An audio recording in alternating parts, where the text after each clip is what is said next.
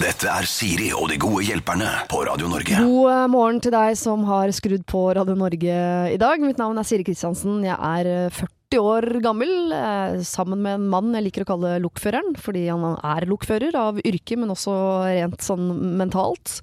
Jeg har to barn, eh, har en hund og et hus innerst i en blindvei i eh, Son. Ellers så er jeg jo opptatt av eh, å eh, ja, stå på en scene, pusle litt med interiør, men aller mest så driver jeg jo da med radio. Eh, jeg har mange meninger om det meste, og selv om norsklæreren min da jeg gikk på skolen syntes at jeg var helt håpløs i norsk, så hender det at jeg skriver diverse ting for blader og aviser og sånn, til og med bok. Og den helgen her så har jeg skrevet litt i VG om noe jeg de siste årene har blitt veldig, veldig opptatt av, og det er kommunikasjon. Et veldig kjedelig ord. Det høres ut som noe man driver med i store firmaer, der uh, ingen har eget kontor, alt bare flyter uh, rundt. Og kommunikasjon er utvilsomt viktig på jobb, spesielt hvis du er sjef. Men jeg er mer opptatt av den der daglige biten. Den kommunikasjonen du skal ha med venner og kjæreste og ungen og sånn. Fordi etter mange år med dette her, som jeg driver med på radio, altså at du sender meg problemer, og så prøver jeg å få mine gode hjelpere til å øh, løse dem, så ser jeg hvor vanskelig vi syns det er med den dagligdagse kommunikasjonen. Jeg vet at vi hinter der vi burde gitt klare beskjeder. Eh, Vi venter på at andre skal ta tak, der vi selv kanskje burde ta tak. Og dette er en grunn til at ved veldig mange brudd, for eksempel, da, som det er mye av nå eh, i disse dager, så eh, beskriver alltid den ene parten at dette bruddet her kommer som lyn fra klar, himmel. Mens venner rundt ofte kan ha sett at dette bruddet eh, kommer de siste fire årene. Og det er også en grunn til at du velger å heller kontakte meg med ting, enn å ta det direkte med den det gjelder. Og ikke slutt med det. eh, det kan være veldig lurt med en til noen grader nøytral stemme inn i ting før man hopper i det. Uh, og derfor så kan det være lurt å spørre f.eks. meg, da, før du kaster deg ut i en, uh, en konflikt du har grua deg litt til. Jeg har tenkt sjøl at jeg kanskje er en konfliktsky type, men så har jeg skjønt de siste årene at jeg oppfattes som det motsatte av konfliktsky. Eh, Så jeg tok en test for å finne ut er jeg konfliktsky som folk flest, eller er jeg ikke det. Og da viste det seg at nei, jeg er visstnok ikke konfliktsky overhodet, og da skjønte jeg ingenting. Jeg hater jo konflikter. Hvordan kan dette stemme? Og så har jeg tenkt og gnagd på dette her, da. Eh, hvordan man kan være, tenke at man er konfliktsky samtidig som man ikke er det.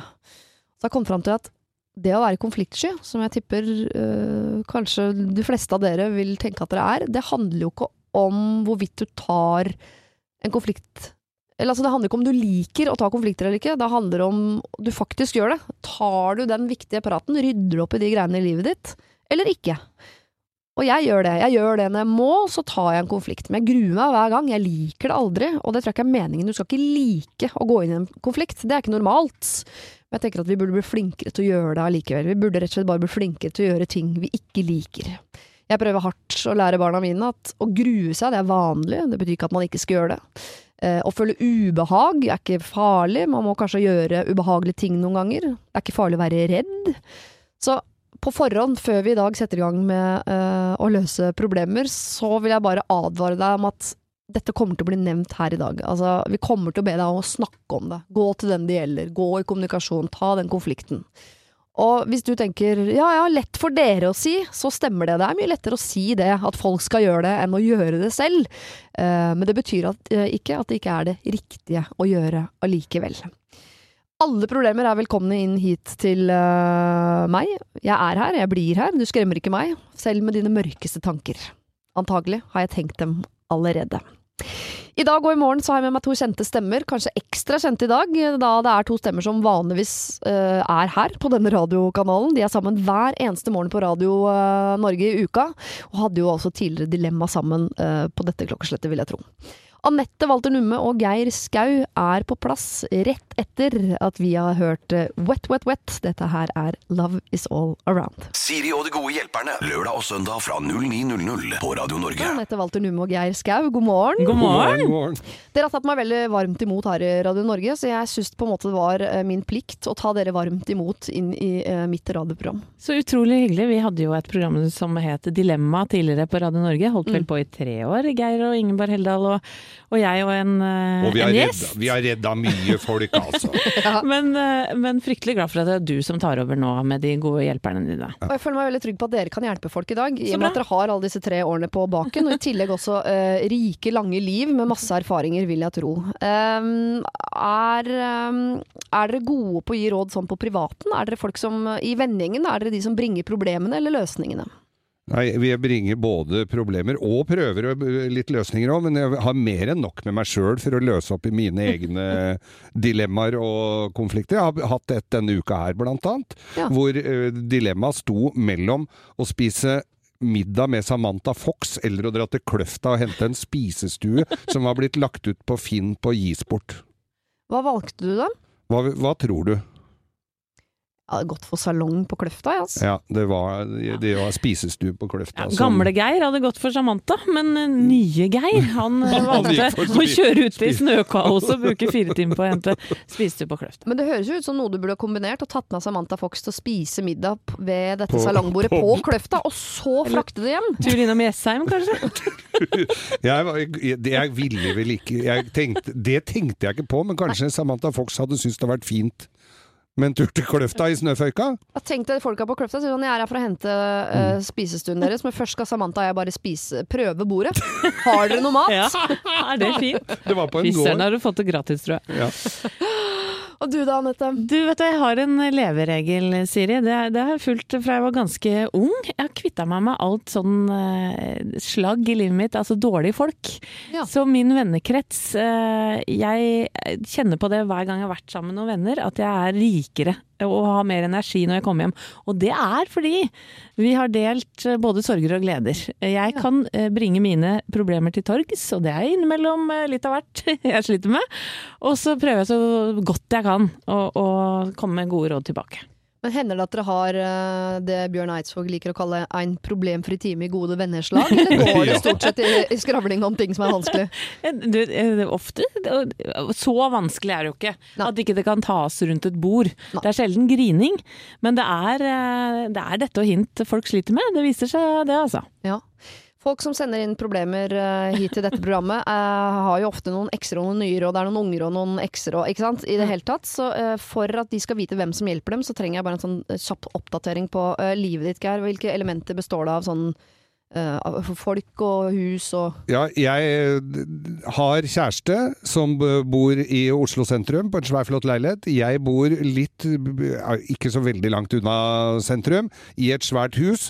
Eh, Vi er, driver og besøker hverandre. Vi kaller huset mitt for Vinterpalasset, for hun er sjelden der. Jeg har altfor mye ting. Jeg har for mye biler. Jeg har to voksne barn. Jeg har en mor som er svært oppegående og 88 år gammel, som jeg også må ta meg av. Så Som bor i ja, kjelleren. Som bor i kjelleren. Eh, Har hun vinduer og sånn, eller er det sånn hun har vinduer Ja, og en meget fin leilighet. Anette, Anette har vært der og sett både hvor ryddig leiligheten er og hvor ryddig kjerringa er. Ja. Eh, jeg, eh, jo, jeg bruker mye av tida mi på å organisere tida mi.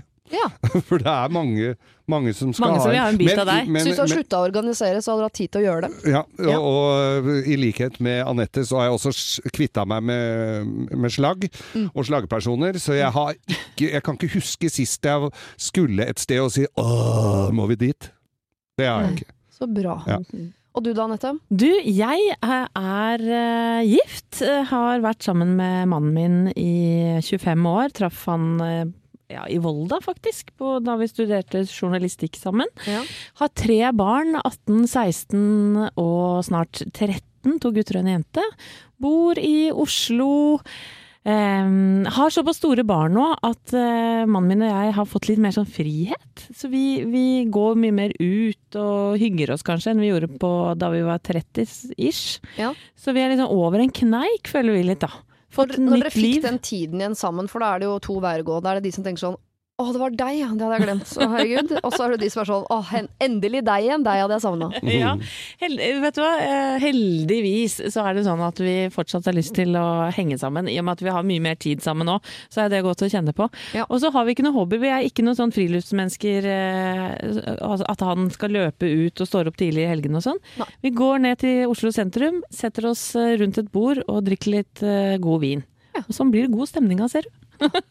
Siri og de gode hjelperne. Everything I do, I do it for you, synger Brian Bryan eh, Adams. Du hører på Siri og De gode hjelperne. Og De gode hjelperne i dag er altså Anette Walter Numme og Geir Skau. Som har fått kjeft av Bryan Adams i Oslo Spektrum. Fordi plystra du? Det er ikke lov på konsert. Nei, jeg gjorde ikke det.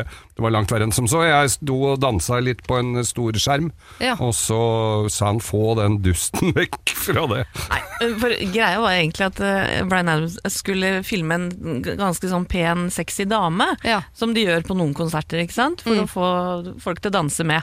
Men så klarte han å rote seg inn i den der lyserundingen. ja. Så hun syns ikke hun bak eh, deg. Ikke så godt Nei. som hun kanskje ønska. Eller Bryan. Adams ønska. Send det inn til Siri at radionorge.no, Brian, hvis eh, du hører på. Nå skal vi hjelpe en jente på 22 år som har skrevet inn. Hei, jeg har et dilemma angående min gode venn Ludvig. Ludvig og jeg har kjent hverandre lenge og har hengt ganske mye sammen. Det har hendt at det har blitt et hook eller to på fest, men aldri noe mer enn det. Nå har Ludvig fått seg kjæreste, som jeg kommer veldig godt overens med, og som jeg egentlig henger mer med enn jeg gjør med Ludvig. Så viser det seg altså at hver gang de er på fest sammen og Ludvig blir full, så vil Ludvig gjerne snakke med denne Anne som skriver inn, om at han lurer på om det kunne blitt noe mer mellom dem, at han ikke klarer å slutte å tenke på henne osv. Men med en gang han blir edru, så er det akkurat som om han ikke husker det lenger. Han sier aldri noen ting i edru tilstand. Det virker som han enten fortrenger det han har sagt, eller at han rett og slett ikke husker. Jeg er ikke interessert i han på noe som helst annen måte enn som venn. Nå skal jeg reise til utlandet, hvilket betyr at jeg ikke kommer til å se noen av dem på lenge. Og lurer på, skal jeg konfrontere han med dette før jeg reiser, eller skal jeg late som ingenting og bare dra? Med hilsen fra Anne. Altså Anne lurer på om hun skal konfrontere Ludvig med hans følelser for henne Jeg før hun reiser utenlands. Jeg syns jo det er viktig å være ærlig på alle ting, og nå har hun jo på en måte satt eh, litt standarden. Det er jo ikke noe å tape på å si til han at dette her, dette her eh, oppførselen din, eh, hva er greia di? Ja. Jeg syns det er veldig bra ja, å ta han på det. For det å ljuge altså Alle ljuger på seg det etter de har vært litt børst og sagt at 'jeg husker ingenting', men du skal være ganske nesnødd før du ikke husker noe, altså.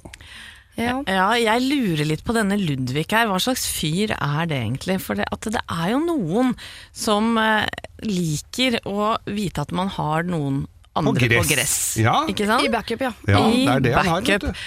For Han er en snik. Ja, men kanskje han er en snik. For eh, han har jo åpenbart vært eh, ja, litt interessert i Anne, nå truffet en ny, men kanskje ikke føler seg 100% moden til å etablere seg eh, riktig ennå, og vet at Anne er et bra catch. Så eh, hvis han holder henne bitte lite grann varm, så kan det jo hende at eh, ja, altså bakdøra er litt åpen her for Ludvig. Men eh, holde henne varm. Hun er jo ikke varm, hun er jo ikke interessert i han. Så jeg må tenker, Det må jo være deilig for Anne å få sagt fra til Ludvig at det, det er ikke noe lunk her. Du, altså, jeg står ikke det og er putter helt borti helt iskaldt mellom eh, Altså, hun er helt uinteressert. Hun er helt uinteressert. Det Hun er mer glad i kjæresten til Ludvig. Ja, ja. Mm. Nei, ja, vet du hva? Altså, eh, Ludvig, er vi enige om at han er litt en luring, eller? Eller hva? hva, hva ja, jeg tror ikke han er så lur heller, skjønner du. Jeg tror bare han prøver å være en luring, Ja. og, og at han skal ha en på gress. Det, det som kommer til å skje med Anne etter hvert, er jo at hun får seg en kjæreste, og Ja. da kommer han til å ligge på telefonen, for da er han eh, Ja, det vil jeg tro, altså. For nå går hun jo som en sånn uh, gjøkalv, holdt jeg på å si. Altså, nå går, går, hun jo litt der og gresser, mens han står og venter og tror han kan ka, ha litt. Rann. Går ikke an å si til Ludvig Sorry, Mac, du har ikke kjangs. Ja, vet du, på en måte så vil man jo kanskje ikke at eh, Ludvig skal vinne her, altså i den grad det er snakk om å vinne eller tape, fordi fordi Anne høres ut som en kul dame som har, er raus nok til å bli skikkelig glad i den nye kjæresten til Ludvig. Og jeg tror at hun kan, ved å konfrontere han, eh, få seg en på trynet. For det, han kan jo bare late som han ikke husker noe av det, og få henne til å føle seg skikkelig dum. Ja. Som har innbilt seg at han er eh, keen, liksom. Ja. Og det er jo aldri noe gøy å føle på. Men kan det være noe i altså, alle disse samtalene de har hver gang de er på fest, som jo er egentlig litt ugreit av Ludvig overfor kjæresten? Selv om kanskje Ludvig har vært forelska i Anne hele veien. Men er det ikke noe der? Det må jo være noe Anne gjør siden han gang på gang tenker at det er en samtale som er verdt å ta opp. Hvis Anne er tydeligere på sånn 'nå må du rulle inn, Ludvig, nå er du full, jeg er overhodet ikke interessert i deg'. At han kanskje på et eller annet Jeg vet ikke om Ja. det trengs å tas edru engang. jeg. Kanskje Nei, han ja, jeg òg tenker det. Han, liksom. Få stoppen på fest. Fordi hun ødelegger potensielt for uh, venninnen sin. Og hun, det er ikke noe for henne å hente der. Nei, for han er jo kjip som går bak ryggen på kjæresten eh, sin, som du sier, eh, Siri. Eh, og, eh, men det kan jo hende at Anne er en sånn flørtete type, da. Ja. Som er litt sånn åpen til sinns, og, og hvis de har hatt en en kul tone hele veien, i og med at de har hooka litt og hatt det gøy. da. Ja. Eh, som, ja, Man kan jo kjenne igjen noen på fest, og det alltid har en moro med han Ja, ja. Roger borti hjørnet der. Kanskje de holder hverandre på gress, ikke på gress engang. At de har en liten Ja. sånn livsline tilbake til det der single, artige livet før man slo seg til ro, liksom. At det er det. Mm. Og kanskje Anne overproblematiserer litt òg. Men jeg tenker, at, eh, jeg tenker at kanskje det beste løsningen er å ta det på fest når han driver og mm, fritter henne ut, og sier 'hallo, Ludvig, hva mener du med det'? Når var det mm, sist jeg liksom har sett noe ekstra på deg? Bare for å høre hvordan han reagerer på det. Eh, og ikke ta noe sånn alvorlig prat med kaffe, edru tilstand, for da blir det litt sånn gå bak ryggen på den nye kjæresten igjen, syns jeg, da. Ja. Så heller bare ta det der og da, i farta. For det tror jeg Anne er god på. Det Ja. kjenner jeg litt på meg. Anne, vi liker deg veldig godt. Du høres ut som en kul dame som tar så varmt imot den nye kjæresten til eh, Ludvig. Dette er ikke din konfrontasjon. Hvis det er en ny fyllekule før du eventuelt drar til utlandet, så kan du ta det der og være litt mer tydelig på at her er det ikke noe å hente, gutten min. Med mindre du faktisk eh, liker å ha han på gress, at dere har hverandre litt på gress. Men da syns jeg du skal tenke på denne nye venninnen din, at det er ikke helt greit overfor hun. Men ikke ta dette over en kopp kaffe, ikke gjør det så stort. Ta det den dagen det eventuelt dukker opp. Og det kan hende du må vente helt til den dagen du får deg kjæreste, for det kommer ikke Ludvig til å ta spesielt pent. Siri og de gode hjelperne. Send oss en e-post på siri at radionorge.no. Vi skal til en 18 år gammel eh, jente som skriver at hun i mange år har slitt med dårlig selvbilde, spesielt når det kommer til kropp. Dette er en av våre yngre lyttere, så her må vi trå varsomt, folkens. I hverdagen går det relativt greit, og jeg plages ikke noe særlig av det på skolen eller blant de jevnaldrende. Det er når jeg besøker familien, som for øvrig bor et godt, godt stykke unna, at kroppen min eh, blir kommentert. Enten jeg har lagt meg litt, eller jeg har gått ned litt. Problemet er at det ofte ikke har skjedd noe spesielt med vekta mi, og det virker som de kun sier det for at jeg skal føle meg jævlig. Dette gjør at jeg syns det er ubehagelig å møte familien min, fordi fokuset på om jeg ser annerledes ut, stikker veldig dypt. Jeg syns også det er vanskelig å spise sammen med familien, fordi jeg opplever å bli dømt. Mormoren min kan f.eks. tilby meg potetgull, for så å si at jeg ikke burde spise potetgull, for det har ikke jeg godt av. Jeg merker at jeg blir sint og får lyst til å si noe spydig tilbake. Så skal jeg ta opp dette med noen, eller har jeg rett til å bare holde dem unna i en periode? Vær så snill, gi meg råd. Takk på forhånd. Vi kaller henne Trude. Åh.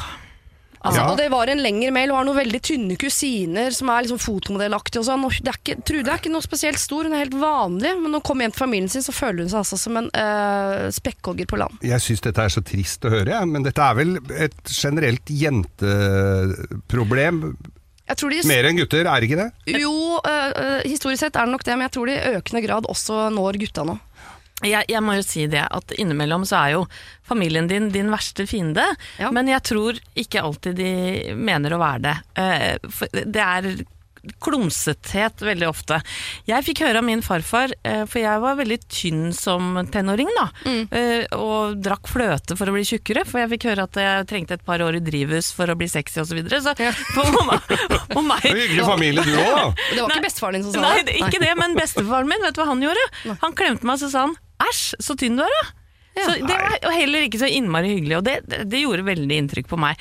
Men gutter får jo ofte høre sånn, eh, nå må du klippe deg, det, det går på andre utseendemessige ting da. Ja. Men, men det er akkurat som eh, familien føler seg litt sånn programforplikta til å kommentere et eller annet på deg når det er lenge siden de har sett deg. Ja. Eh, og, og jeg tror innimellom de tar tak i det første de ser, og det er jo da kroppen din, da, på en måte. Så, så kjære Trude. Um, for det første så tror jeg ikke de vil deg noe vondt. Eh, det må jeg bare få legge dødt. Og farfaren min han var nok også bare klumsete, og, ja. og at han liksom sånn holdt på å kaste opp da han klemte meg. Selv om, det, selv om jeg aldri har glemt det i ettertid, Nei, selvfølgelig. nei, det er jo noe som Um, henger i det der, da. Men det er jo synd i, altså, i en tidsalder hvor det er så mye fokus på kropp og så Mm. mye kroppspress, og så skal du hjem til det gode, trygge, egentlig. Og så er det jammen meg altså, eh, trøkk i trynet der òg. Ja, vet du hva, det er, det er ille at det skal være sånn, og jeg er redd for at dette er vanskelig å gjøre noe med, Trude. Ja. Eller mormoren din, tror jeg i hvert fall. Hun er eh, untouchable på, på et sett og vis. Hun har kjørt seg fast i et mønster. Ja. Hun, får, hun må du bare glemme. Ja. Men jeg tenker kanskje eh, mamma Nå vet jeg ikke hvordan Hun nevnte ikke moren spesielt her. Nei, jeg tror det er alle. For det er i sånn jul og ikke sant, i de store Men det må jo eh, være én støttespiller i familien der når du er eh, 18 år, tenker Ja. jeg.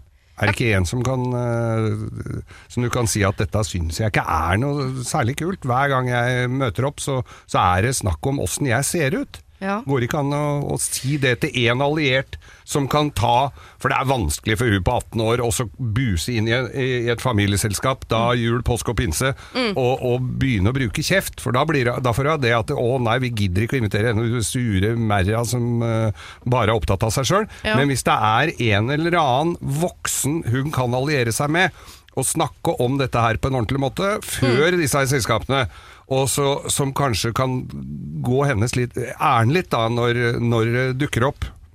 Ja, for jeg, sant, Hun spør jeg må bare ta tak i det, har jeg rett til å holde meg unna den periode. Ja, selvfølgelig kan du det, men det hjelper ikke. Det er Nei, ingen som det hjelper merker ikke. at folk holder seg unna. Nei. Ikke sant? For det er sånn silent treatment sånn. Det, er, det er ingen som Nei, merker da er det det. vanskelig bare, da. Men jeg tror også at kanskje Trude er en av de yngste i familien. Og jeg så vært kult om hun satte seg litt i respekt, om hun rett og slett kom eh, inn i rommet der og satt på plass folk. Fordi folk som ikke vet hva de driver med, og som bare gjør det av gammel vane, de trenger å stoppes. Det er mitt nyttårsrett hver, hvert eneste år. Det er å stoppe folk som ikke vet hva de driver med. Mm. Nabokjerringa, for eksempel. Eh, Så kan jeg noen ganger eh, som kjefter på at bikkja pisser på buskene og sånn, som tenker sånn, nå, Ja, ja. hun må stoppes. Ja, ja. så er jeg veldig deilig å si sånn, nå er det nok. Nå det nok, må du være stille. Ja. Så jeg vil oppfordre Trude til å ta med seg tankene til både eh, deg, Geir, og Anette. eh, at det er nok ikke ondt ment. La bestemor være. Allier deg med en av de du liker best, en du er glad i. eh, men stopp dem. For de kommer til å føle seg dumme når en jente på 18 år setter dem på plass. Men ikke vær sur. Bare ta tak i det de sier, og få dem til å føle seg litt dumme. For det er jo egentlig det de er. Jeg håper at det løser seg, Trude. At du får familien din til å klare å fokusere på noe annet som er uh, viktigere. Jeg vil gjerne høre hvordan det går, så send meg en tilbakemelding til uh, Siri Alfakrøll, radionorge.no. Siri og de gode hjelperne. Radio Norge. Du hører på Siri og de gode hjelperne her på Radio Norge, men akkurat nå sitter bare jeg, Siri, her helt alene, for jeg har gitt mine to gode hjelpere, Anette og Geir, en liten kaffepause. Fordi jeg har tenkt til å oppdatere deg på litt hvordan det går med noen av de som har fått eh, hjelp her eh, tidligere. Eh, Anne Riven og Didrik Solli Tangen var eh, mine gode hjelpere for en uke siden. Og da eh, måtte vi bl.a. hjelpe en jente som eh, var gravid. Hun hadde allerede bestemt seg for å ikke beholde barnet, men problemet hennes var at hun ikke ante hvem faren til dette eh, barnet var. Hun hadde hatt en litt uh, løs periode, altså vært mye rundt. Det kunne være altså, eh, tre forskjellige menn som var barn til, far til dette barnet hun hadde bestemt seg for å fjerne. Eh, Hennes problem var uh, skylder jeg dem å fortelle dette, Eh, og kanskje spesielt han ene som hun fortsatt var på dealeren med. Skylder hun han å fortelle eh, hvilken situasjon hun er oppe i, i tilfelle det da måtte kanskje være hans barn. Du skal få høre litt hva Anne Rimmen og Didrik Solli Tangen mente om nettopp eh, dette. Hvis hun er helt 100% sikker på at hun ikke skal beholde det barnet, så syns jeg ikke hun skal fortelle det til noen. Nei, det synes ikke jeg heller. Hvis hun er Altså ikke, I hvert fall ingen av de der tre. Hun kan, bør jo kanskje snakke med noen om det, for det kan sikkert være en øh, liksom slitsom greie. Fordi det Men, kommer til å være en eh, påkjenning for den personen hun forteller det til også, tenker jeg. ja, Altså, i hvert den- fall i og med at hun ikke vet hvem av dem det er. Ja. Så kan hun da gå og fortelle det til de tre det kanskje er. Du forresten, jeg, hende, ja. eh, jeg ble gravid med deg, men jeg har fjerna eller skal fjerne det. Og tenk altså, deg hvis what's point? hans største drøm er å Var bli far, Ja, uansett hvem moren er, om de er sammen Altså, Ja, ja, men Eller poenget er jo at hun skriver vel at hun ikke vil ha barnet. ja, hun gjør det. Ja, og da er det jo litt sånn at um, vil, vil det gjøre noe forskjell da om det er han hun driver og dater som er faren? Nei, det eneste jeg tenker på er sånn. at hvis det blir de, og det blir de på sikt Det er som om du da, Didrik, nå plutselig fikk vite at kjæresten din sa sånn Vi kunne jo egentlig ha to barn, vi, Didrik, men Ja. fjerna det første. jeg. Ja, Nå, ikke sant. liksom. Ja. Da hadde jeg blitt, eh, da hadde jeg blitt skuffa. Kanskje litt lei meg fordi han ikke hadde blitt inkludert i avgjørelsen. Ja. Det hadde jeg. Hei, Siri, Anne og Didrik. Jeg er altså gravid. Jeg hørte på rådene deres og måtte tenke meg godt om. Det Didrik sa om at han hadde blitt skuffet dersom hans kjæreste hadde fortalt om en abort som kunne vært hans barn, gjorde inntrykk.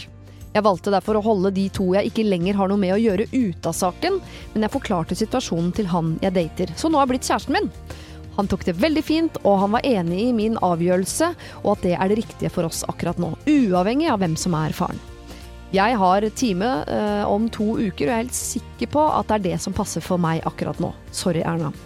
Tusen takk for gode råd, jeg hører på hver helg. Klem fra Susanne. Så fint, eh, Susanne, at A. Du har fått deg kjæreste. Dere er enige om hva dere skal. Du er fornøyd med valget ditt. Om Erna Solberg ikke er like fornøyd, ja, vet du hva, det ser jeg på som en bagatell akkurat oppi dette her. Erna har ikke sendt meg noe mail, ergo Erna får heller ikke hjelp. Det vi derimot skal ta tak i straks, er altså en suppe ut av en annen verden. Eh, For å gi Anette og Geir mest mulig tid til å sette seg inn i dette, så velger jeg allerede å lese mailen nå, for den er lang, og jeg har allerede kuttet ned sikkert i hvert fall halvparten. Men altså. Hei, står det her. Jeg er en mann i slutten av 30-årene som har en samboer som heter Frida. Vi to har vært sammen i åtte år. Oppførselen til svigerfaren min har skapt en del diskusjoner opp gjennom årene, og felles er at det har vært stor forskjellsbehandling mellom eh, min kjæreste og søsteren hennes Frida. Beate. Nei, og søsteren til Frida, Beate.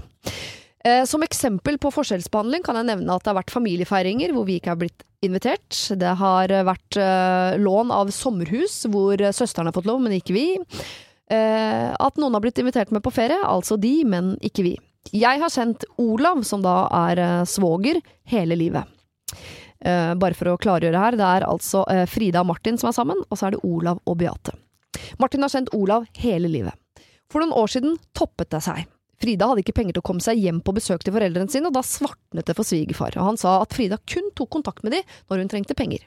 Han ble usaklig og sendte flere lite hyggelige meldinger over flere uker. Det skal nevnes at Frida aldri har bedt foreldrene sine om penger. Og som følge av dette la det seg en isfront mellom dem. Ingen sa unnskyld, ingen tok kontakt. Og i denne perioden prøvde jeg å støtte Frida, og Frida støttet seg på meg og min familie. Eh, Denne perioden var selvfølgelig verst for Frida, men jeg syntes også det var tungt og hadde behov for å kaste ball med eh, vennene mine.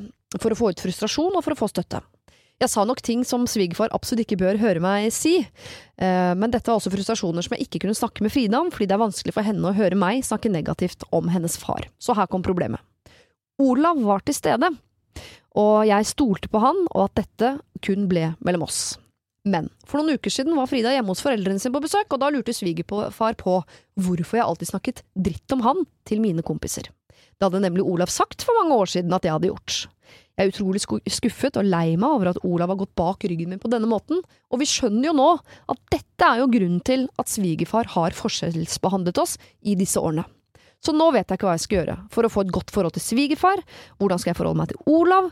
Olav vet ikke at vi vet, men Frida vil konfrontere. I ytterste konsekvens går dette utover Frida og Beate sitt søskenforhold. Det kan gå utover Frida og Olav sitt, mitt og Olav sitt, meg og kompisene mine sitt forhold. Så hvordan mener dere at jeg og Frida da kan eventuelt konfrontere denne Olav? Meg kan dere kalle Martin. Altså hva Martin skal gjøre her, hva Frida skal gjøre her, øh, hvordan vi skal forholde oss til Olav, Beate, svigerfar. Alt dette skal vi ta tak i straks her på Radio Norge. Eh, Geir og Anette skal få lov til å tenke seg om litt. De ser altså eh, De er svette i panna, og øynene eh, står rett ut av hodene deres. Så vi hører litt musikk, og så kommer vi tilbake med den hjelpen vi kan gi.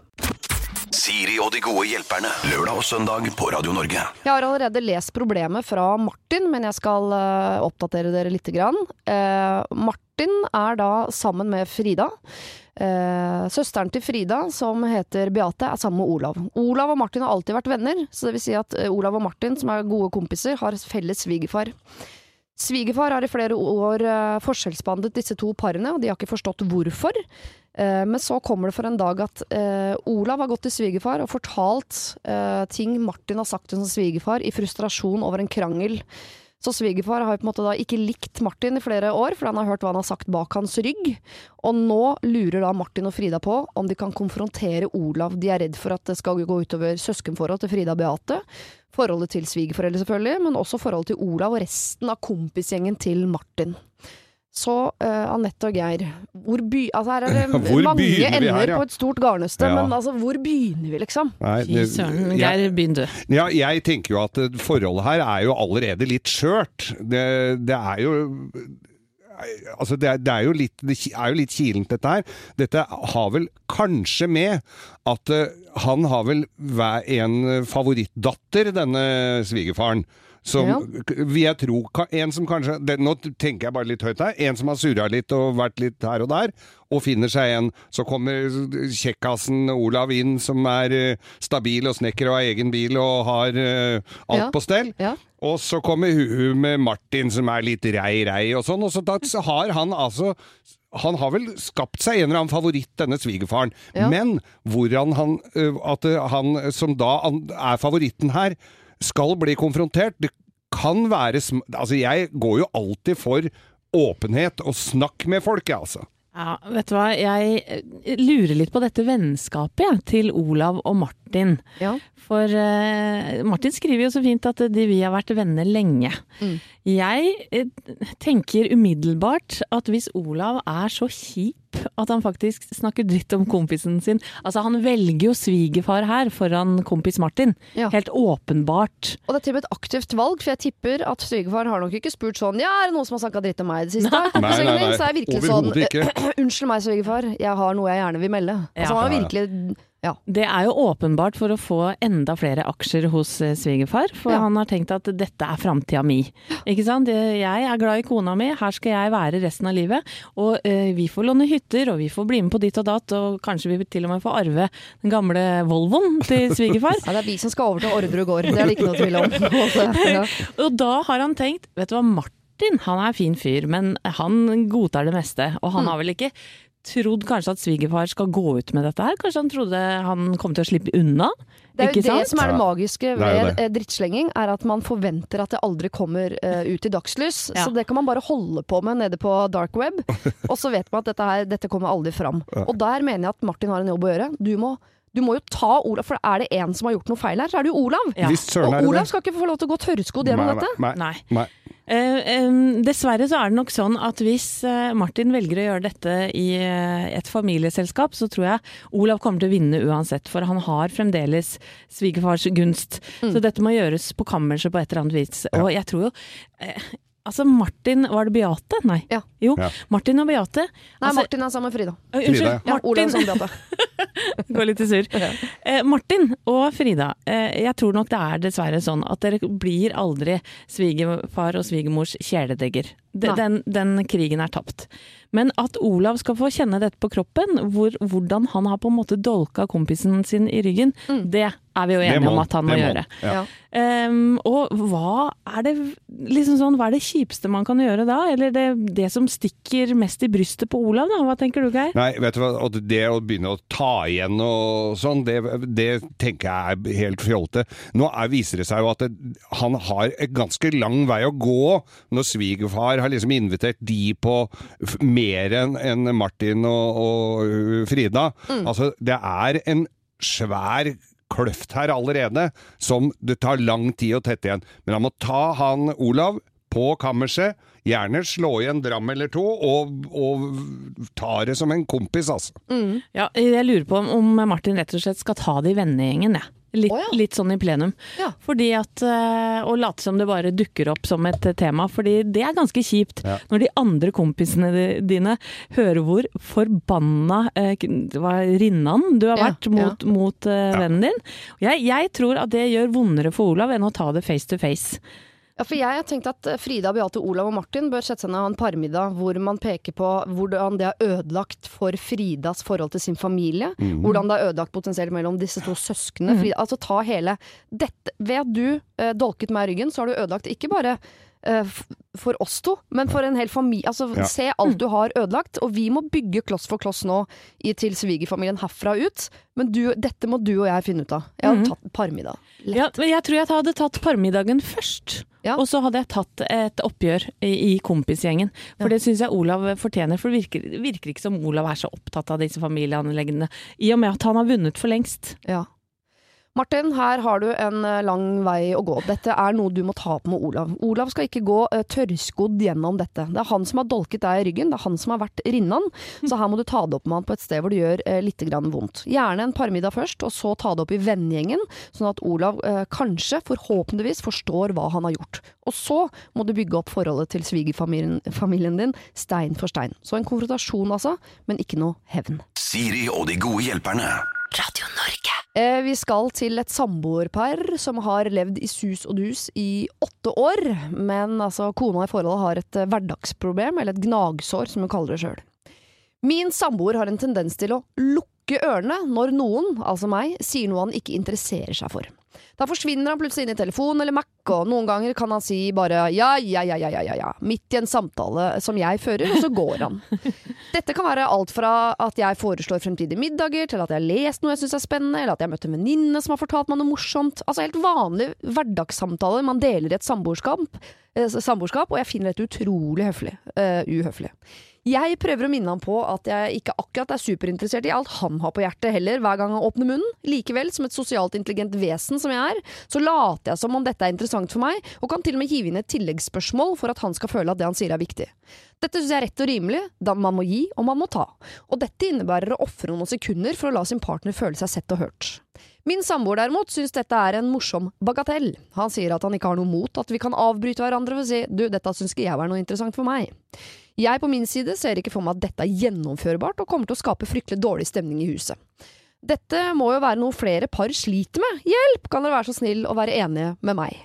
Eh, kanskje, Kari, eh, som hun ville bli kalt, at vi kan være enige med deg, men da må jeg spørre Anette og Geir eh, først. Er dere enige med Kari om at det er der vi skaper dårlig stemning i huset? Jeg, Ja. lover, jeg, jeg lover å skjerpe meg. jeg må si det, altså. Ja, kjenner du deg igjen, Geir? Kjenner meg igjen og har blitt eh, Jeg har vel sikkert uh, driti meg ut på dette her, i og med at jeg har noen forhold bak meg. Mye av de bruddene kan kanskje komme av det at jeg ikke har klart å oppføre meg ordentlig.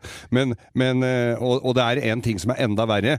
Det er å sitte og, og late som du hører på den historien, og når den er ferdig, så topper hun med din egen, altså en annen historie som er litt bedre, men litt eh, mye av samme gata, da.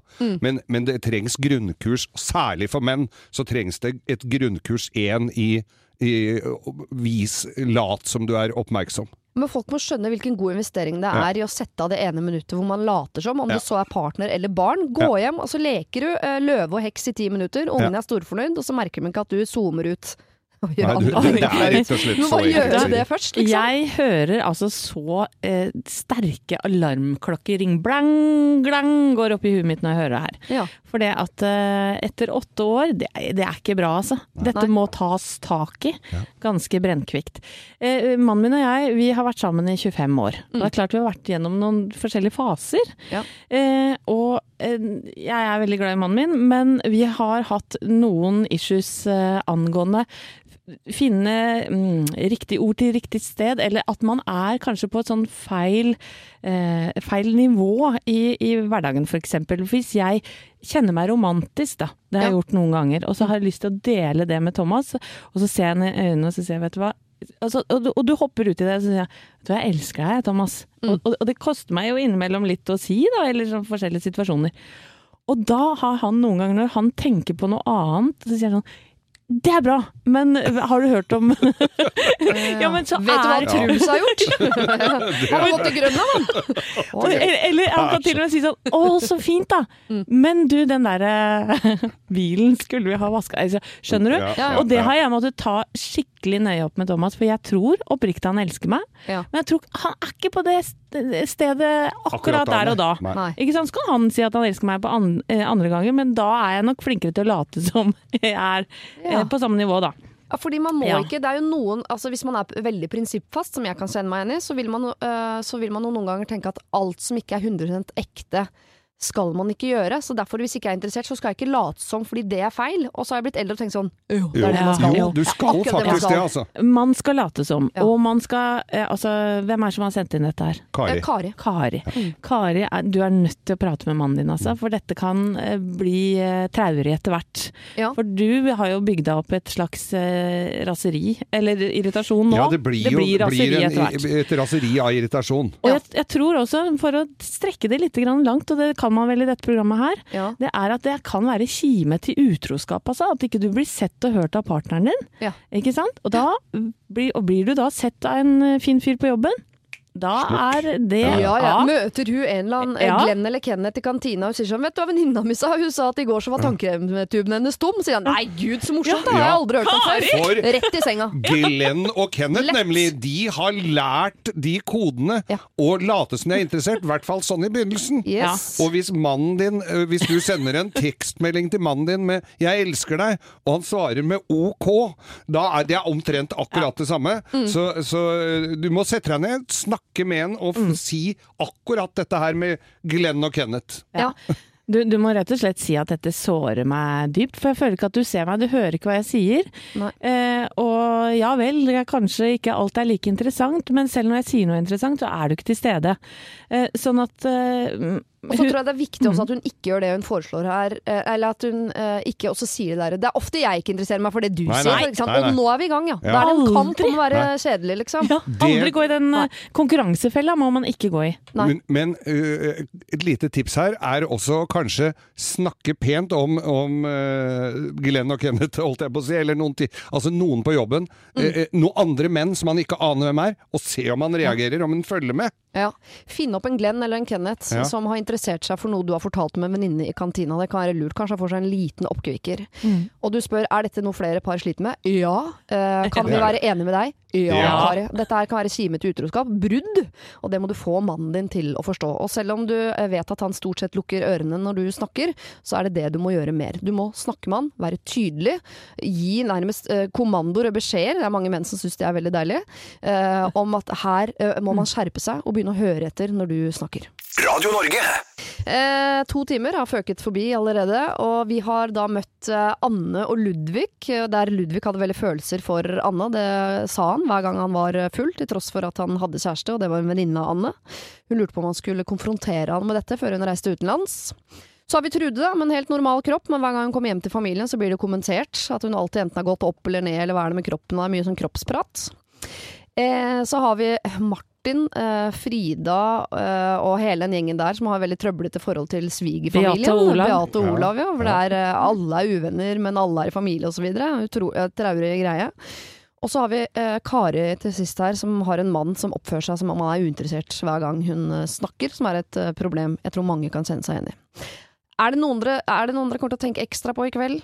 I reklamepausene på TV eksempel, kommer du til å sende en tanke til Anne eller Trude? Eller? Du, vet hva, jeg tenker jo eh, å sende min tanke til Martin. Ja. Som er på litt, eh, litt skvisa ut av familien på mange måter her. Mm. Han eh, har min største medfølelse. Ja.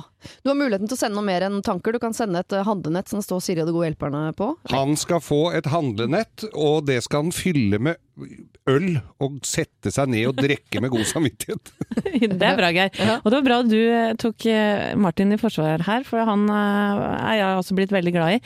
Men jeg tror nok det er Trude, 18-åringen, som jeg eh, sender mitt handlenett til. Mm. Fordi jeg veit jo at det er så uendelig mye kroppsfokus, ikke sant. Mm. Eh, og Trude, det er dessverre sånn at det slutter aldri. Eh, um, og når du da må liksom Hver gang du kommer hjem, til og med, så får du høre at det er et eller annet eh, gærent, da, i gåstegn med, med kroppen din. Så, så eh, Trude, em, det kommer aldri til å gå over, det med kroppen, men du må prøve å jobbe med deg sjæl. For eh, det er ofte jeg tenker at eh, Ja, eller det er sjelden jeg går ut av døra og tenker at i dag var jeg i tipp topp. Det er eh, Jeg har oppstoppernese, store tenner og små pupper og lang rumpe og så videre og så videre. Og sånn, og jeg nærmer meg 50. Og sånn, Trude, er det dessverre sånn er livet. Mm. Men du skal få slippe å ha det sånn hjemme hos foreldrene dine. Kanskje rett og slett hvis du først skal jobbe med kroppen, skal jobbe litt med å få huden tykkere. og Tenke Ja. mindre på kroppen, for den kommer aldri til å bli sånn som Nei. verken familien eller samfunnet eh, legger opp til at den skal se ut. Så jobb mest med huden. Ja. Men du kan trøste deg med det, Anette. Du har i hvert fall større puper enn meg. Ja, er du helt sikker på det, Geir? Ikke for å presse noen her, men Det Syns jeg var en fin avslutning på dette programmet. Ja, men Trude, handlenettet mitt går til, går til deg, i hvert fall. Trude og eh, Martin, dere kan altså få hvert deres handlenett hvis dere sender meg adressen eh, til da Siri alfakrøll radionorge.no. Vi har heldigvis to friske timer igjen som du kan høre i morgen, eller hvis du ikke klarer å la være å vente, så kan du faktisk allerede nå laste de ned som podkast. Siri og de gode hjelperne. Lørdag og søndag på Radio Norge. Vi skal ta flere problemer straks, eh, men jeg tenkte å riste et løs og løse noen problemer som heldigvis ikke fins. Tror jeg, i hvert fall ikke så vidt jeg vet. Jeg har laget et fiktivt problem til dere, Anette og Geir, mm. som, hvor dere må ta et valg, rett og slett. Oi. Dere jobber jo tett sammen på eh, morgenen, Mm. um, og dere jobber også tett sammen med da uh, Loven. Ikke sant? Øyvind Loven, ja. Loven. Og da må dere ta et valg. Eh, Geir, hvis du måtte bytte liv med enten Anette eller Øyvind Loven, hvem, og du får da det samme spørsmålet, Anette, du må bytte liv med Geir eller Øyvind, og leve resten av livet ditt som en av de andre du jobber sammen med på morgenen. Jeg vet hva Anette ville gjort, for hun er veldig misunnelig på mitt liv. Men, men eh, nei, og jeg tror jeg ville ja, dette her er et voldsomt dilemma, fordi at kona til Loven, Gina, er en veldig kul dame. Sprek, pen å se på. Mm. Eh, kunne fint ha, ha, ha tatt livet hans. Eh, han har litt for dyre vaner, det kunne vel gått an å gjort noe med etter hvert. Men jeg liker jo også å sitte sammen med Thomas til langt utpå morgenen. Og vi hadde nok ikke blitt så gamle sammen, Thomas og jeg, for vi hadde vel høyst sannsynlig drukket oss i hjel. Jeg tror jeg hadde Nei, veit du hva? Jeg hadde bytta med Loven, for da hadde jeg fått beholde Anette. Åh, hvor koselig er ikke det? Du, vet du hva? Jeg, eh, jeg kaster kanskje en brannfakkel her nå, men det er nok eh, Geir sitt liv jeg ville bytta med, altså. Mm. Loven og jeg er ganske forskjellige. Ja. Em, han er strukturert. Mhm. Han er um, Det er ikke noe for deg. Det vil ikke du ha. Nei, nei. nei, men jeg er altfor kaosorientert, og der Ja. kjenner jeg meg litt uh, igjen i Geir. Geir og jeg er litt sånn Tar vel kanskje ting litt grann mer impulsivt, eller vi er litt mer impulsive typer, tror jeg. Mm. Eh, som tenker at Og det er ikke meningen å for, liksom, eh, disse noen her, altså, i hvert fall ikke Øyvind Loven som er en knakende kjekk kar, men det er jo noe annet å bytte liv, ikke sant. Mm. Gina er en dritfin dame, jeg kunne godt levd eh, resten av livet med henne. sånn sett er det ikke noe problem. Nei. Anita er også ganske digg, skjønner du. eh, Kjæresten til Geir. Ja. Så, så vi tror jeg også kunne fått det utrolig mye morsomt. Syns hvis du først skal inn i et slags partnerskap med en annen kvinne, så, eh, så bør hun være digg. Skjønner jeg. Digg og morsom. Morsom er Ja, hvis du skal surre rundt inne i samme leilighet med en annen dame, så er det fint at du i hvert fall har noe å se på. Absolutt. Ja. Eh, og så er jo Geir, hva skal jeg si, Geir er morsom. Det er gøy å være morsom. Eh, han er flink å skru bil. Det Ja. kunne jeg det- tenke meg å kunne mer av. Ja. Å ha en garasje som Geir med masse rare ting i. Så Ja. folk kom bare og slo en prat. Og, og jeg viste fram alle bilene mine. Geir har hatt sånn sju-åtte biler eller noe sånt. Sant? Ja, og Har du en Ford Mustang? Nei, det har jeg ikke. Da Nei. gidder jeg ikke å komme og se. Geir er utrolig glad i mora si. Hun Ja. bor jo i første etasje i huset hans. Ja. Eh, en ting jeg ikke er så misunnelig på, er at han har sin 22 år gamle sønn fremdeles boende hjemme. Men det kunne jeg kanskje Men hele livet, du kan jo pælme du må, Det hadde vært fint hvis du kunne tatt livet mitt opp og sett å få bli kvitt han, da, på et eller annet ja, vis. Beholde bilene, men mora og sønnen må ut. Åh, og så- Han nye Geir, spesiell type. Ja, og så tenker jeg det, det å kunne fortelle historier sånn som Geir, både Grovisen da, som du får i Morgenklubben, men også alt han har opplevd, og gud så mange du har ligget med. Ja. Og hvis Nei, jeg, hvis jeg, hvis jeg, hvis jeg slenger med i potten at hvis du blir Geir, så får du også kjenne på livet hans på, altså på kroppen, liksom. Ja, ikke Og sant? da husker du det som om det er du som har ligget med alle disse vakre kvinnene opp Da igjennom. trenger jeg ikke være så bitter som Vakre og er. vakre. Det er ikke- det har ikke vært bare hagablomster, det. Det Altså. er litt blanda drops opp gjennom der. Ja. Nei, så blir det nok Geir. Så dere Ja. velger hverandre. Ja, åh, ja. Herregud, så Nei, han søtt. valgte jo loven, vet du, for han ville ha meg i livet Ja, sitt. ja, Mm. men dere velger på en måte hverandre likevel. Ja. For han velger å ha deg i livet sitt. Helt ikke sant? riktig. Mens du velger Må jeg gå og besøke meg? Ja, Det blir jo feil. Altså dette er sånn, Du vet, du skjønner begynnelsen av filmen, men etter hvert som filmen varer, så tenker du sånn Jeg har ikke skjønt en dritt, jeg, men jeg ser den ferdig. Og Har sånn det er vært, det har det vært lagd en sånn film? Den kunne jeg tenkt meg å sett, jeg nå, plutselig. ja, det har vel vært en sånn swap, swap my life. Det er i hvert fall en ny reality. Ja, I hvert fall noen sånne parallelle universer Mm. hvor du ikke skjønner en dritt eh, fra 35 minutter uti.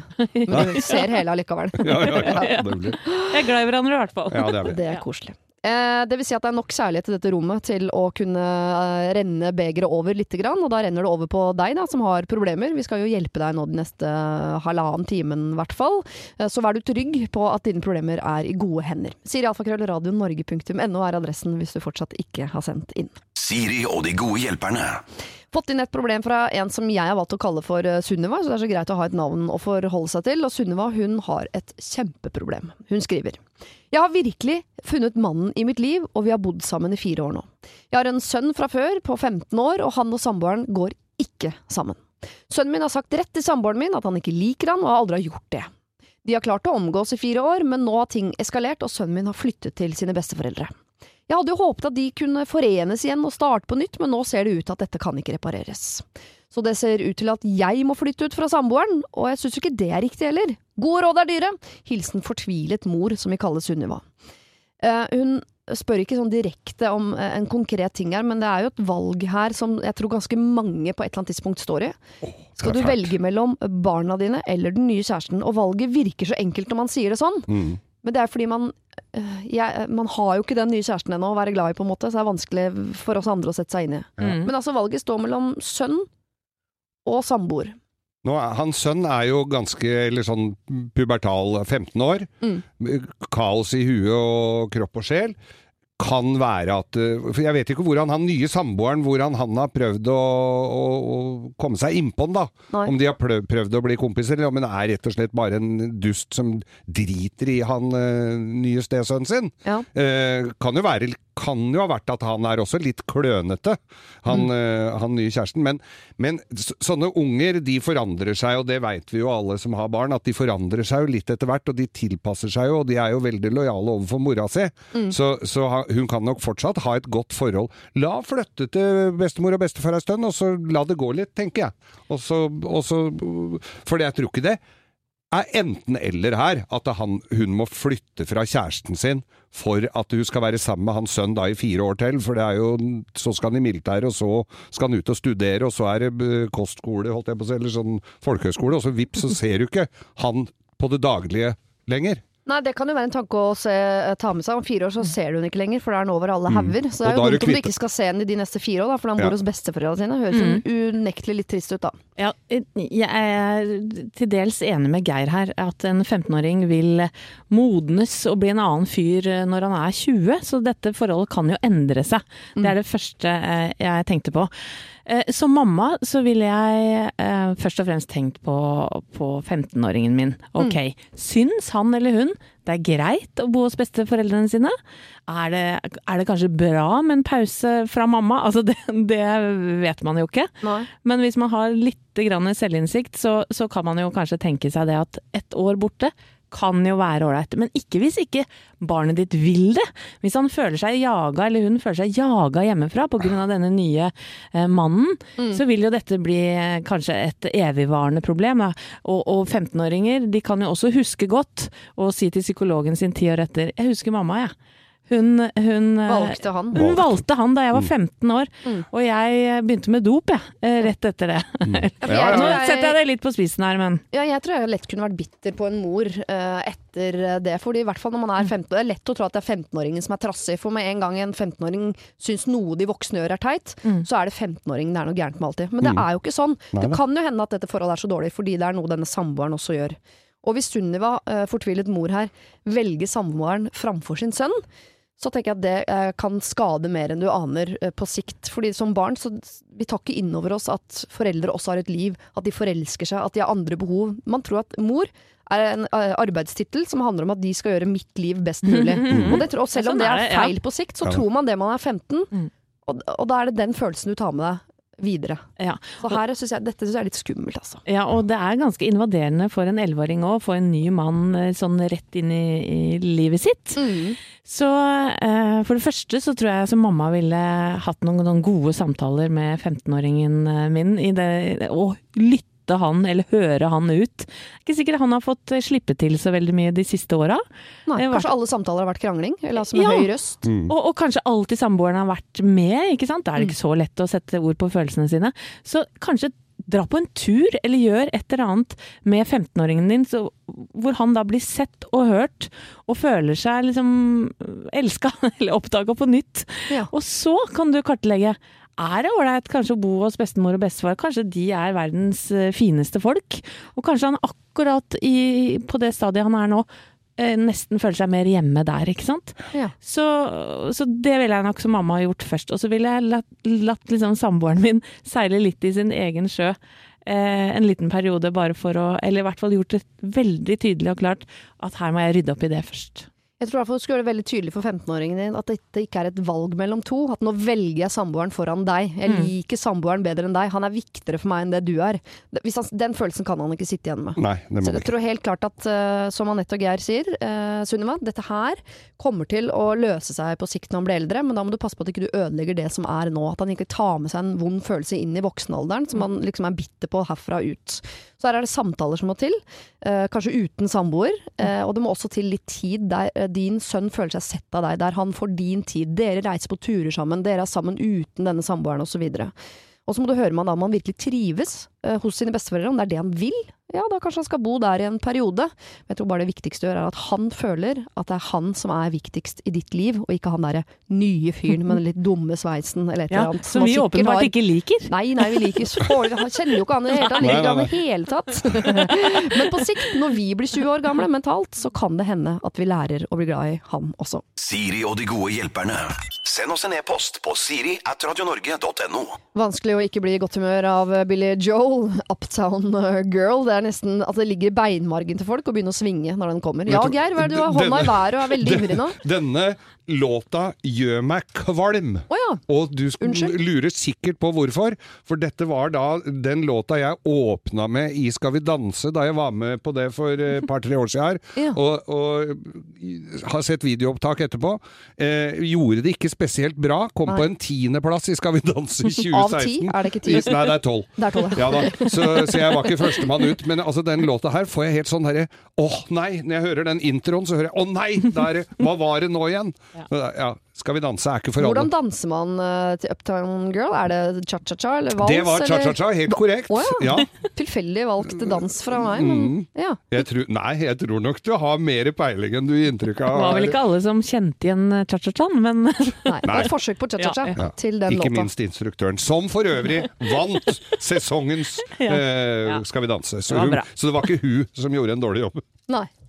Dere, eh, jeg håper du fikk den hjelpa du trengte i etterkant av det her, av psykologer osv. Kiropraktor. Kiropraktor, først og fremst. Men nå er det altså vi som skal eh, hjelpe en eh, jente på 27 år som vil eh, bli kalt for Sara.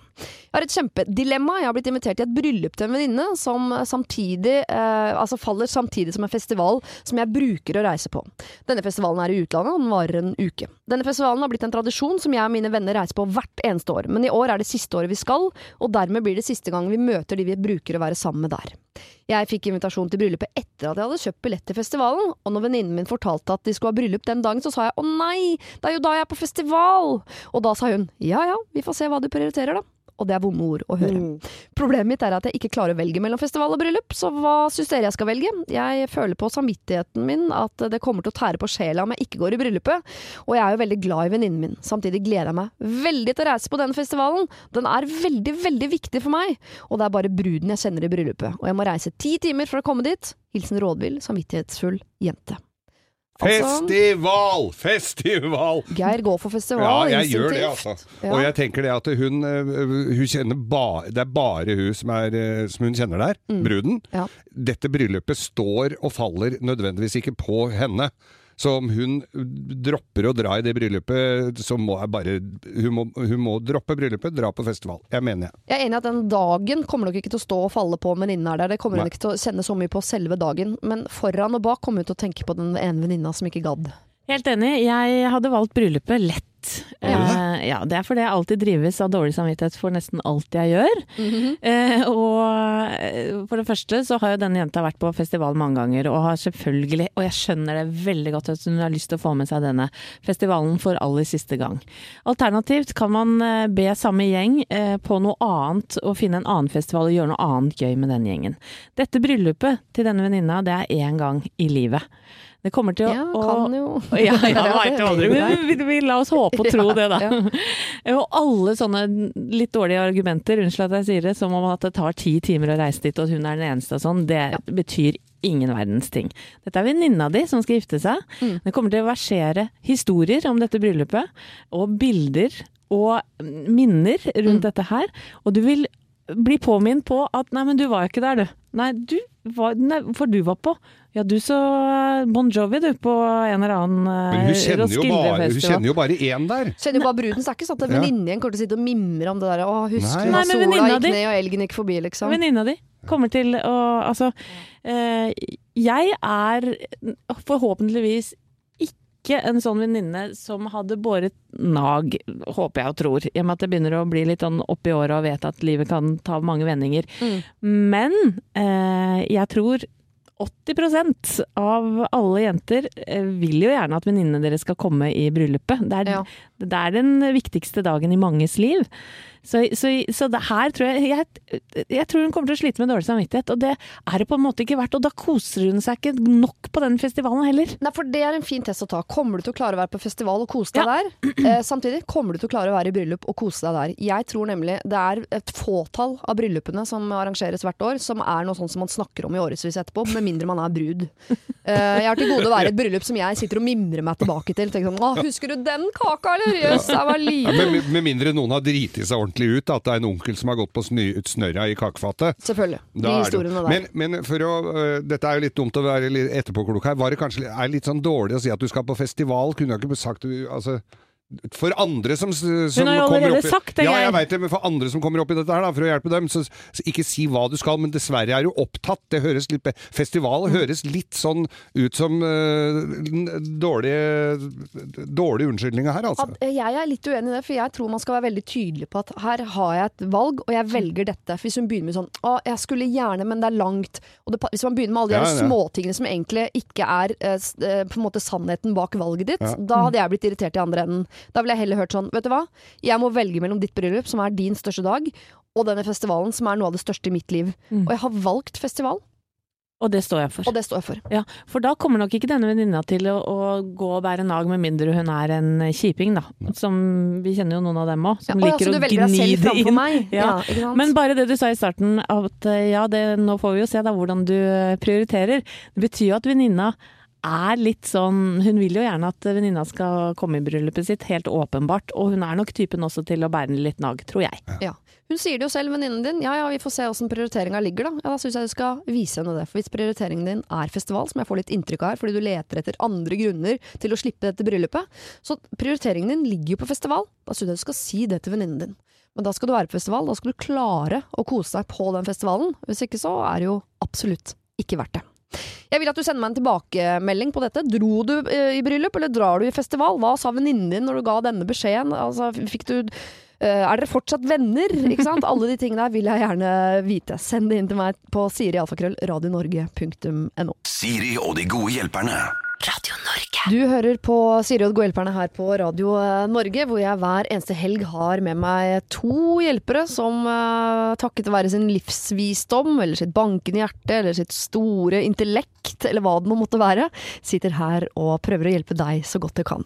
I tillegg hver eneste helg så tenkte jeg det kunne være en god idé å spørre en ekte ekspert, altså en ekspert på et eller annet, eh, hva man skulle ønske man kunne si høyt og felles til alle i Norge. Altså se for deg, vi samler Norge i en eh, sal, og du har en mikrofon, og du har muligheten til å gi dem et budskap som du, basert på din eh, ekspertise, har lyst til at alle skal få med seg.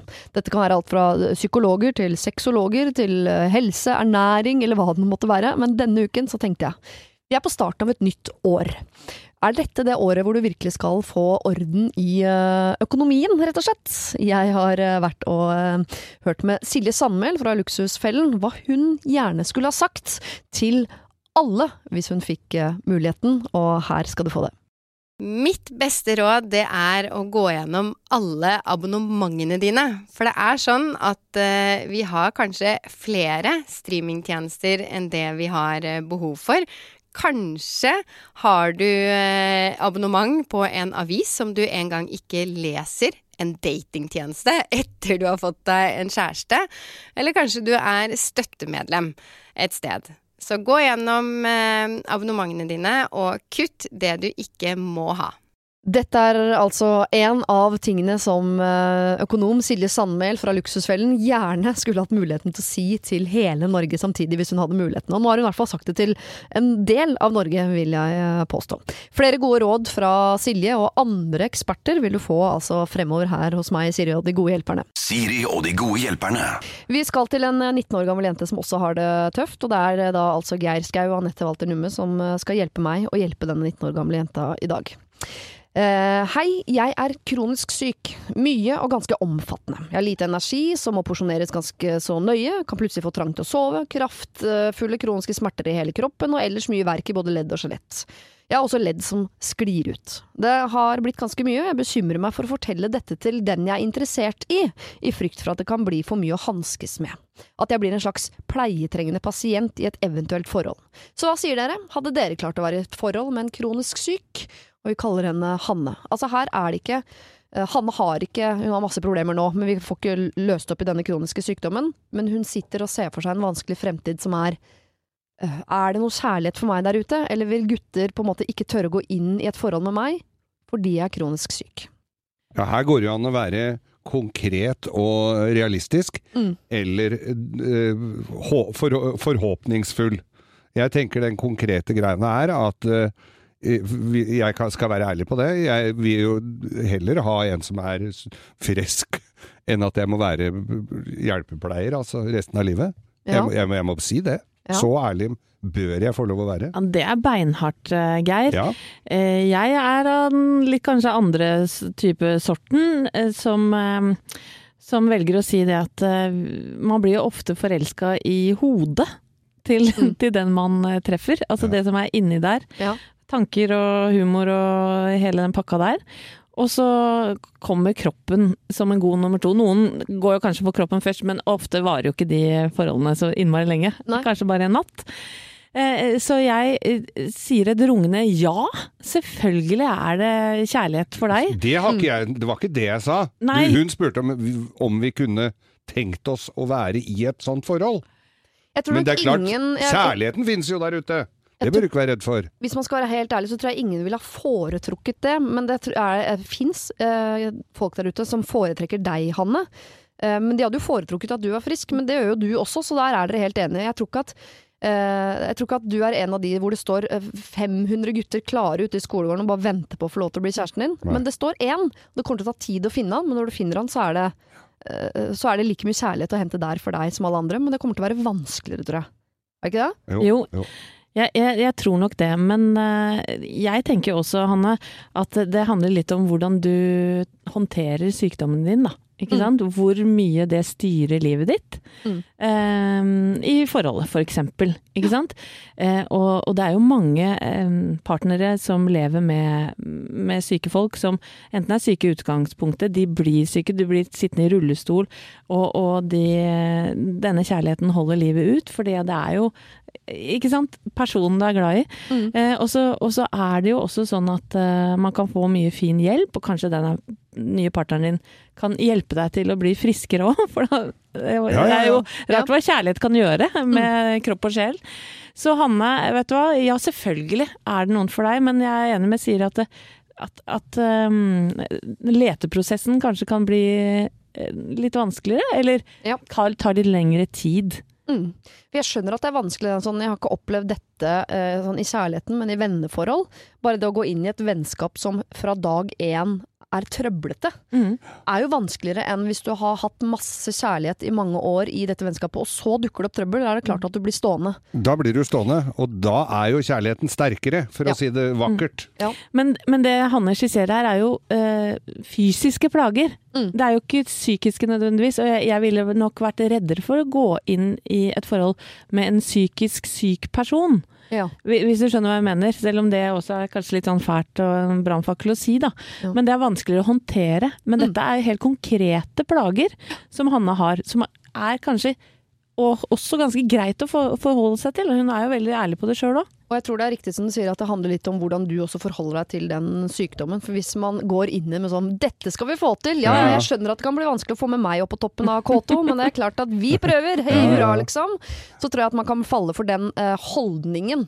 Men hvis man, eh, hvis man oppfører seg som vel, at alt er vanskelig hele tiden, og alt er bare motstand fra begynnelsen, så tror jeg det, akkurat den mentaliteten kan være litt vanskelig å falle pladask for. Mm. Det må man bare si. Men sånn er det jo mange som er, selv om de er friske og raske òg. Absolutt. Ja. Ja, Og de har kjæreste òg, de ofte, faktisk. Ja, det har de. Det er de som har kjæreste. Hanne, kanskje ikke eh, Jeg vet ikke om det var det du ville høre. Her var jo både Geir og Anette eh, veldig ærlige på at det kan være litt vanskeligere for deg enn for eh, de som ikke er kronisk syke. Men at det fins kjærlighet der ute for deg. Selvfølgelig. 100 sikkert. Det er jo hodet man blir forelsket i. Humoren, holdningen, alt det der. Det er det man blir forelsket i. Men du må nok dessverre kanskje lete lite grann lenger enn folk flest. Dette er Siri og de gode hjelperne på Radio Norge. Scorpions, eh, dette her, Wind of Change, med dette nydelige plystrepartiet. Ja. Som barn syns jeg selv jeg var så god til å plystre. Jeg hadde en kjæreste som også var veldig god til å plystre. Vi plystra mye sammen, og drømte om at en vakker dag skulle vi plystre jula inn på CD. Med denne? Gjorde dere det? Nei, vi gjorde aldri det. Jeg kan fortelle dere det at eh, plystring er en muskel som også må holdes ved like, for jeg kan hæren flytte meg ikke plystre lenger. Nei. Nei, Hvertfall ikke høyt. ikke. Nei, det går ikke. Atle Antonsen er jo veldig god. Kanskje du skal gå i et kurs hos han? Kanskje ta et plystrekurs hos eh, Atle, rett og slett. Anette og Geir, dere er mine gode hjelpere her på Radio Norge i dag. Og vi skal eh, hjelpe en som ifølge seg selv har gått på en kjempesmell. Uff da. Og det har vi vel alle på et eller annet tidspunkt, men kanskje ikke denne. Før jul ble jeg kjent med en kollega, la oss kalle han Knut. Det ble litt flørting over melding, og han ba meg med ut på date. Daten var hyggelig, og det endte med at jeg ble med han hjem. Jeg fikk en omvisning i den overraskende fine leiligheten hans, og han viste meg alle rom, minus ett. Roterommet. Der trengte jeg ikke å se inn. Tenkte ikke noe videre over det, og jeg sov over, og det ble ligging. I etterkant har det vist deg at denne kronidioten har samboer og barn, hvor sistnevnte mest sannsynlig har fast tilhold på dette såkalte roterommet, eller barnerommet da, som anstendige folk men- ville kalle det. Leiligheten var fullstendig blotta for spor etter resten av denne familien. Ingen bilder, ikke noe stellebenk, ingen kvinnelige produkter på badet, ingenting! Jeg spurte til og med på daten om han bodde alene, og det bekreftet han. I tillegg hadde han mer enn nok av andre anledninger til å fortelle om sin hjemmesituasjon. Hele opplegget virket nøye planlagt og gjennomtenkt, og det er åpenbart verken første eller siste gang Knut gjør dette. Så da er spørsmålet mitt, burde jeg fortelle dette til samboeren hans? Hadde det bare vært en tabbe i fylla, så ville jeg ikke gjort det. Men dette mener jeg er noe mye, mye verre. Og hadde det bare vært Knut og samboeren, så ville jeg ikke nølt. Men her er det jo også et barn med i bildet. Eh, kall meg Kari. Eh, jeg er 24, han er 31, står det her. Altså, skal Kari fortelle samboeren til Knut at han har altså en noe uvanlig hobby? Fy Ja, det søren, Knut. Det syns jeg er- Knut! Frekkeste jeg har hørt. Ja. Ja. Ja, nei, eh, jeg syns det er vanskelig, eh, Kari, fordi at um, man skal jo egentlig ikke blande seg inn i andres forhold. Det er en sånn regel jeg har. Man, Ja. For man vet helt Eller man vet vel aldri hva som gjemmer seg under overflaten der, selv om hun tilsynelatende tror hun vet det nå, da. Ja. Eh, men fy søren så fristende det ja, fristende er. å, å, å legge Hva tenker du, Geir? Hun kjenner ikke samboeren. Nei. Nei, Hun aner ikke hvem det er. Nei. Har jo ingenting å tape på dette Aldri hørt om samboer eller noe nei, nei, nei. Og Knut er jo en kødd. Ja. Han må jo Han har tenkt deg mange kvi- pikehjerter han har eh, ødelagt. Ja. Vet, vet du hva, var det en kollega Knut var? ja. Ja. Det syns jeg er litt rart. Ja. Ja. Altså, jeg tenker jo at uh, man kan starte med Altså, man, man, man går ikke til samboeren riktig ennå. Nei. Men man kan sette ut noen rykter på jobben, syns jeg. Ja. For det bør jo være en ganske Hold deg unna han! Ja. Mm. Knut må du eh, Si sånn humoristisk, kanskje, på et sånt der fellesmøte eller noe sånt. Eller Ja. sånn, eller sånn en fredagspils. Mm. Knut, altså. Jeg, jeg hørte hva Knut uh, gjorde, eller? Knulle-Knut! Knulle-Knut, jeg kaller bare det. Ja. For han, det, det er sikkert mange også av kollegaene hans som vet at han har kone og barn, men han har ikke valgt å fortelle Kari det riktig ennå. Ikke sant? Og fortelle bare den historien, og på en litt humoristisk måte, tror jeg, for det kommer Kari best ut av. Ja. Men for Knut er det jo for det første jævla flaut, unnskyld uttrykket. Ja. Og for det andre så, ja, rykter sprer seg vel som ild i tørt gress. Han kan jo plutselig komme samboeren for øret da, kanskje. Hvis en av kollegaene dine finner det for godt. Kan det være at dette samboerparet har en eh, avtale, og at den kan holde på sånn?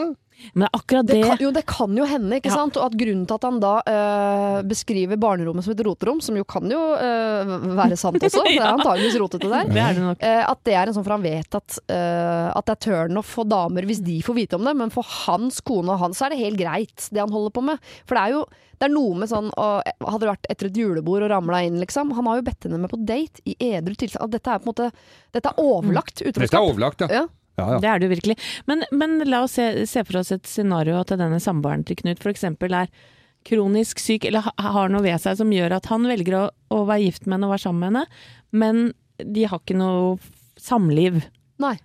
Hvis du skjønner hva jeg mener. Ja, det, er derfor jeg, det, det, Altså, det er en de har ordning. det, det er har en ordning. Jeg beklager, jeg kan ikke stille opp på Mhm. liggesiden, men du har carte blanche til å ligge med andre damer. Ja, og det blir vanskelig å forklare en date, ikke sant?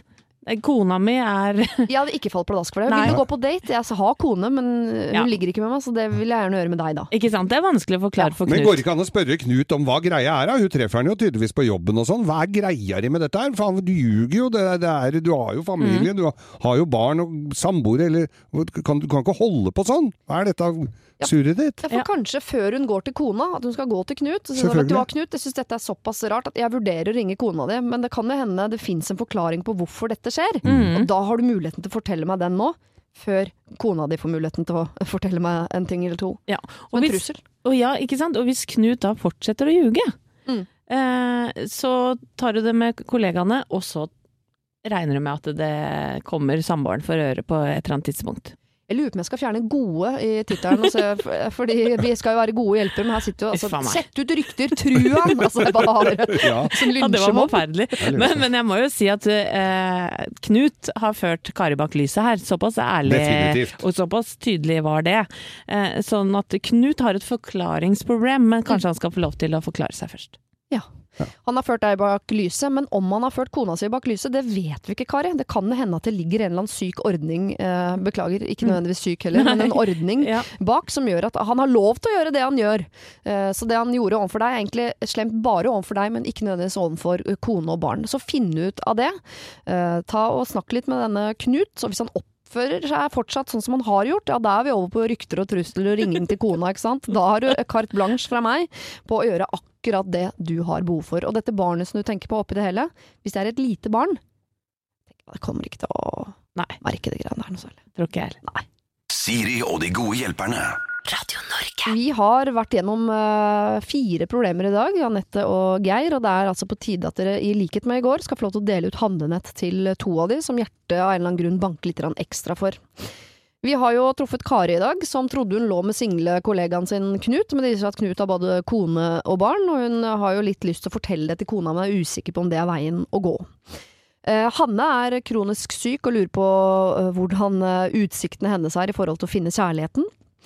Eh, Sara må velge mellom bryllup og festival. Hun sendte jo vel mer eller mindre på festival der, føler jeg. Eh, med eh, sånn halvveis god samvittighet. Eh, og Sunniva som må altså velge mellom hun skal fortsette å bo med samboer og ha sønnen sin boende hos besteforeldre, eller om hun må kaste ut samboeren og bo eh, sammen med sønnen.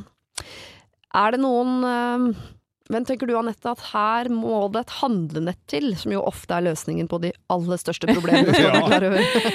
Å, vet du hva? Eh, Jeg må si at eh, jeg har vært velsigna med god helse eh, stort sett hele livet mitt. Mm. Eh, Har hatt noen besøk på, på sykehus, eh, og det er eh, heavy greier. Eh, For Hanne, som er kronisk syk, og Mm. som sliter med dette hver eneste dag, så må det være utrolig kjipt. Ja. Så, og Hanne som var så søt og, og bød på dette her, og var redd for å ikke treffe kjærligheten. Fy fader, hjertet mitt banker altså så intenst for Hanne Ja. at jeg tror hun må få et nett av meg i dag, altså. Ja, du kan skrive navnet mitt opp igjen i hjørnet på det nettet, Ja. men vi kan ikke sende av to nett, for det blir feil. Ja. Men jeg sender det til hun som eh, velger festival fremfor bryllup.